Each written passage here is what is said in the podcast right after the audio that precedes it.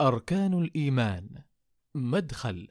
سنتحدث بمشيئة الله في اللقاءات القادمة عن سلسلة من المواضيع التي تهم كل مسلم في إيمانه وعباداته ومعاملاته. نسأل الله تعالى أن ينفعنا بها.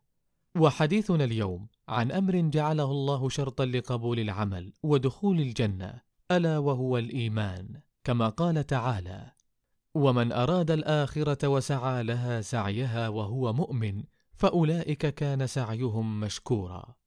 والإيمان هو قول باللسان واعتقاد بالقلب وعمل بالجوارح وهي الأعضاء. والإيمان يزيد بالطاعة وينقص بالمعصية. نسأل الله العظيم أن يزيدنا إيمانا وأن يجدده في قلوبنا. وقد بين النبي صلى الله عليه وسلم أركان الإيمان في حديث جبريل عليه السلام حيث قال أخبرني عن الإيمان. قال صلى الله عليه وسلم أن تؤمن بالله وملائكته وكتبه ورسله واليوم الآخر وتؤمن بالقدر خيره وشره. رواه مسلم. وإذا تبين هذا فإليك بعضا من ثمرات الإيمان وآثاره الطيبة. التي بقدر كمال إيمانك يكون تحققها فيك. فمنها الحياة الطيبة في الدارين. قال جل وعز من عمل صالحا من ذكر أو أنثى وهو مؤمن فلنحيينه حياة طيبة ولنجزينهم أجرهم بأحسن ما كانوا يعملون.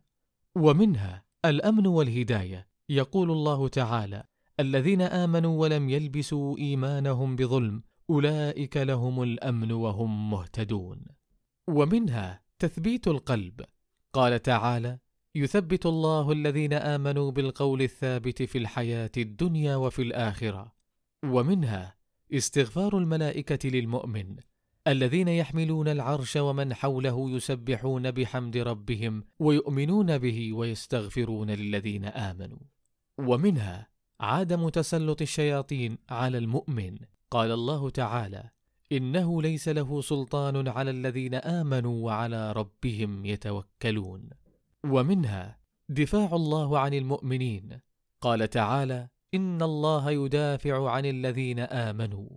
نكتفي بهذا القدر ونتحدث بمشيئة الله في اللقاء القادم عن الركن الأول من أركان الإيمان وهو الإيمان بالله تعالى.